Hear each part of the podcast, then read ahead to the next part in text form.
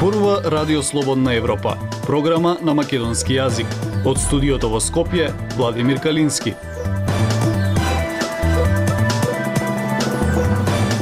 Почитувани следите емисијата на Радио Слободна Европа. Жртвите во случајот јавна соба се соочуваат со бројни проблеми, законските измени кои треба да им помогнат на жените се заглавени во собранието. Трета година од иницијативата Отворен Балкан, земјите учеснички ја зголемија трговската размена.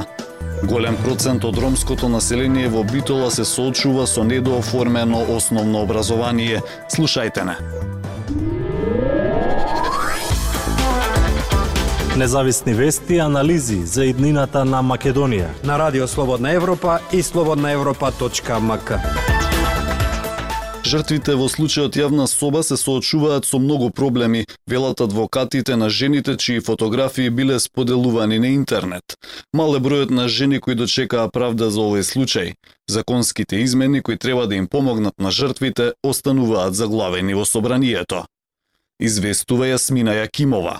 Драга моја, победивме. Никој не смее да објавува ништо пратено во доверба. Ти се воодушевувам на истрајноста што издржа до крај. Вака адвокатката Катерина Котевска ја објави пресудата поврзана со така наречената битолска јавна соба, каде без дозвола на незината клиентка, на интернет биле споделувани експлицитни фотографии кои таа ги испратила во доверба на неизин поранешен партнер. Сепак Великотевска и покрај позитивната пресуда, процесот воопшто не бил лесен за жената која таа ја представувала.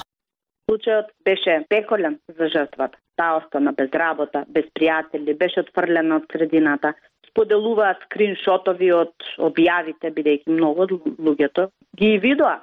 Патеше едноставно целата околина непосредно која беше околу неа. Низ Пекол поминуваа и многу други жени, кога пред две години во јавноста за прв пат се дозна за јавна соба, каде во затворена група на апликацијата Телеграм, без дозвола се споделуваа слики и видеа од девојки, дел од нив и малолетни. Скопскиот кривичен суд досуди по 4 години затворска казна за креаторот и модераторот на групата, но само за делото производство и дистрибуција на детска порнографија. Изостана казната за споделувањето содржини без дозвола од илјадници жени и девојчиња. Меѓу нив беше и Ана Колава. Исплашена отишла во полиција, каде како што вели, удрила со глава во зид. Затоа и се радува за пресудите како таа во Битола. Мислам дека некои луѓе се освестија за тие работи, не сите нормално, али во секој случај добро е да знаат дека као сега па натаму и нема да поминат така лесно, затоа што еве веќе има луѓе кои што се сносија со последици. Предходно никој немаше сносено никаква последица за таков прекршок и такво нанесување на штета некому. Но многумина не го делат овој оптимизам. Измените во кривичниот законник се заглавени една година. Дел од нив беа најавени како решение за случаите јавна соба, меѓу другото и со додавањето на демнењето за ново кривично дело. Елена Тимушева од Националната мрежа против насилството врз жените и семејното насилство Подсетува дека во моментов процесот е стигнат до собранието и е жртва на тековните политички процеси, како активната блокада од страна на опозицијата.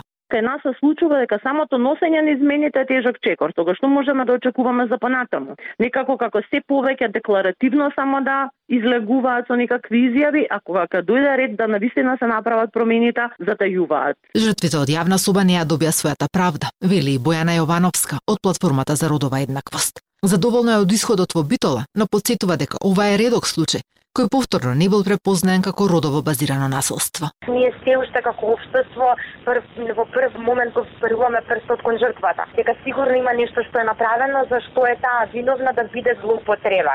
Затоа Јовановска смета дека покрај останатото, потребна е и сериозна промена на родовите наративи и стереотипи во општеството, кои вели дека не одат по прилог на жртвите, па жените се обесхрабрени да пријавуваат и да водат постапки за случаите како јавна соба. Слободна Европа. Следете на на Facebook, Twitter и YouTube. Кои се бенефициите од регионалната иницијатива Отворен Балкан третата година по неизиното формирање? Србија, Албанија и Северна Македонија веќе имаат зголемена трговска размена, како и слободен проток на работна сила, според официјалните представници на земјите. Најавена е и соработка за справување со кризата со енергенци и храна. Прилог на Пелагија Стојанчова. Зголемена трговска размена, повеќе туристи, економско јакнење на граѓаните се само дел од бенефициите што ги почувствувале трите земји кои ја чинат иницијативата Отворен Балкан. Велат за Радио Слободна Европа министерките за економски сектори на Албанија и на Србија. Ова иницијатива формирана во 2019 од страна на лидерите на Македонија, Србија и Албанија веќе ги дава првите резултати, веле албанската министерка за финансии и трговија Далина Ибрахимај. Kjo nuk është më vetëm një retorik, kjo nuk është më vetëm një fjalë. Ова не е само реторика, ова не е само збор. Во првите 4 месеци од годинава сите овие иницијативи се преточени во бројки, преточени во бенефиции. Го зголемивме обемот на извозот и увозот со земјите од регионот. Олеснети се граничните контроли. Од друга страна имаме големо влијание во промовирањето на туризмот. Имавме удвојување на туристи, дел од балканските земји отворени колен Албанија, веле албанската министерка. Србија меѓу најголемите трговски партнери на Македонија покажуваат податоците за минатата година. Минатата година во Србија били извезени стоки во вредност од речиси 300 милиони евра, а увозот бил поголем од 660 милиони евра.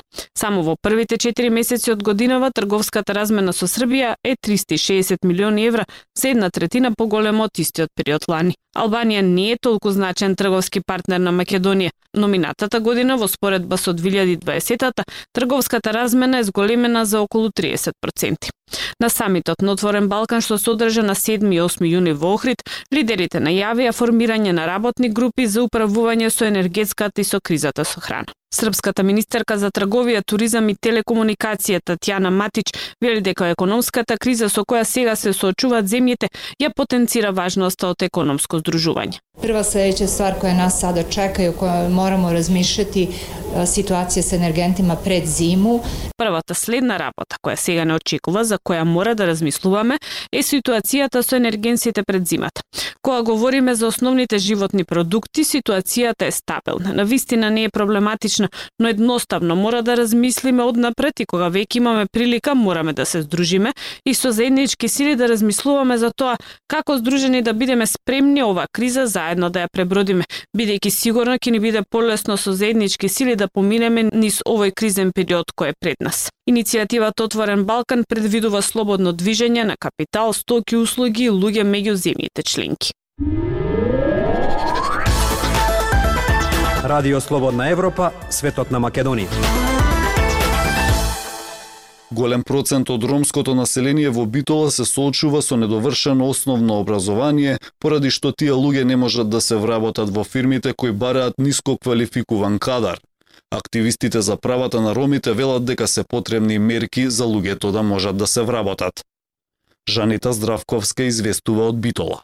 60% од ромското население во Битола има недооформено основно образование, а која било мерка во Агенцијата за вработување задолжително налага завршено основно или средно образование. Во моментов во Битола нема активни мерки кои ќе овозможат тие да го завршат основното училиште.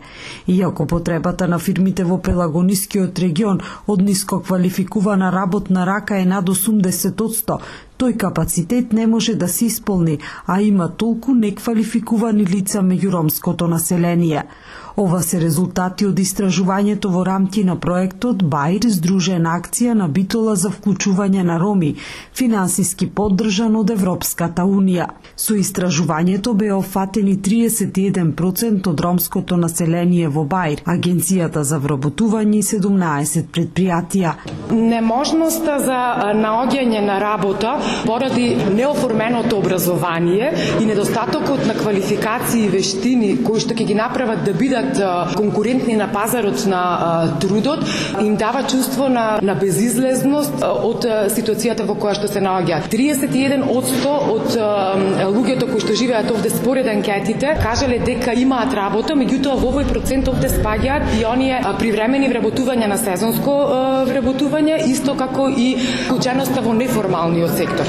Најмногу со собирање на отпад и во земјоделието, меѓутоа тоа не представува решение во однос на вработување. Рече Лидија Ангелкова од фондацијата Преда Плюс, Ремзи Медик, член на тимот за поддршка на проектот, но и долгогодишен НВО активист за правата на ромите, нагласува дека во последните неколку години има пат на процентот на лица вклучени во образованието. Во последниве неколку години имаме пат на тој процент на лица кои што завршуваат основно, средно образование, па дури на високо образование имаме мал број на млади луѓе кои што се запишуваат. Да, многу повеќе треба да се работи во тој дел и за да можеме да постигнеме подобри резултати и во другите мерки кои што ни се потребни за да делуваме како заедница рамноправно со останати. Според истражувањето на 67% од ромското население е корисник на некаква социјална помош. Целата социјална реформа наместо да ги стимулира луѓето да се вклучат во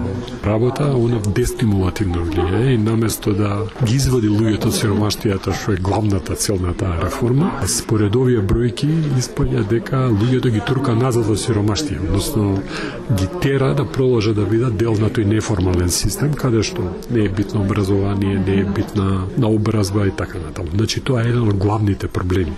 Значи тоа е системски проблем. Рече Лјупчо Димовски од консултантската куќа Епицентар која го спроведи истражувањето. Ова не се изненадувачки податоци доколку се земе во предвид дека во Битола се уште има ромски семејства кои немаат основни услови за живот. Актуелности свет на Радио Слободна Европа. Западните санкции ќе нарушат руската економија оваа година. Дали тоа значи дека владењето на председателот Владимир Путин е загрозено?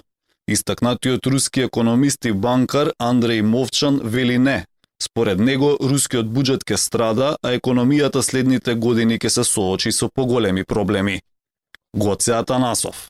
Руската економија ќе биде силно погодена од западните санкции, но председателот Владимир Путин не се соочува со непосреден политички ризик и неговата влада најверојатно ќе ги преброди економските последици, вели истакнатиот руски економист и банкар Андрей Мовчан во интервју за Радио Слободна Европа. Тој смета дека војната во Украина, која сега е во четвртиот месец, е моќно цедење на касата на руската влада но тој додава дека високите глобални цени на нафтата ќе ги подкрепат финансиите на владата и дека иако пошироката руска економија ќе страда, особено просочните руси, веројатно нема да представуваат закана за владењето на Путин. Прогнозите за непосредна смрт на режимот беа направени главно од истите луѓе кои ги правеа во изминативе 20 години и овие предвидувања не се променија на ниту еден начин, вели Мовчан додавајки – петрократските режими се генерално стабилни. Притисокот од санкции редко ги менуваат режимите. Притисокот од санкции ги консолидира режимите, ги прави постабилни, посамостојни и реакционарни. Сепак, според него, рускиот буџет ке страда, а руската економија ќе има уште поголеми проблеми во наредните години, споредливи со оние во 90-тите години. Економистот Мовчан беше врвен извршен директор во две од водечките независни инвестициски банки во Русија во текот на 90-тите и 2000-тите години, пред да отвори своја фирма за управување со средства. Светската банка предвидува дека руската економија драстично ќе се намали ова година, бидејќи западните санкции го сакатуваат бруто домашниот производ. Исто така предвидува дека производството ќе се намали за 11,2 на 100 ова година. Таквото намалување би било најголемо од раните 90-ти години, кога Русија се бореше да спроведе тешка транзиција од економија контролирана од државата кон слободен пазар. Русија останува силно зависна од извозот на нафта и газ, приходите од кои ги зајакнаа незините финанси и ги попречија напорите на Западот економски да ограничи Москва. Шефот за надворешни работи на Европската Унија Жозеп Борел процени дека само од извозот на нафта Русија добива милиарди долари дневно. Мовчан вели, економската болка најжестоко ќе почувствуваат просечните граѓани. Се разбира, губитниците од оваа војна покрај овие високи цени на нафтата се обичните луѓе на Русија кои предходно имаа мал пристап до добивката од извозот на енергенси, а сега тоа ќе биде многу помалку. Почитувани слушатели, тоа е се што ви подготвивме во оваа емисија. Од студиото во Скопје ве поздравуваат Владимир Калински и Дејан Балаловски.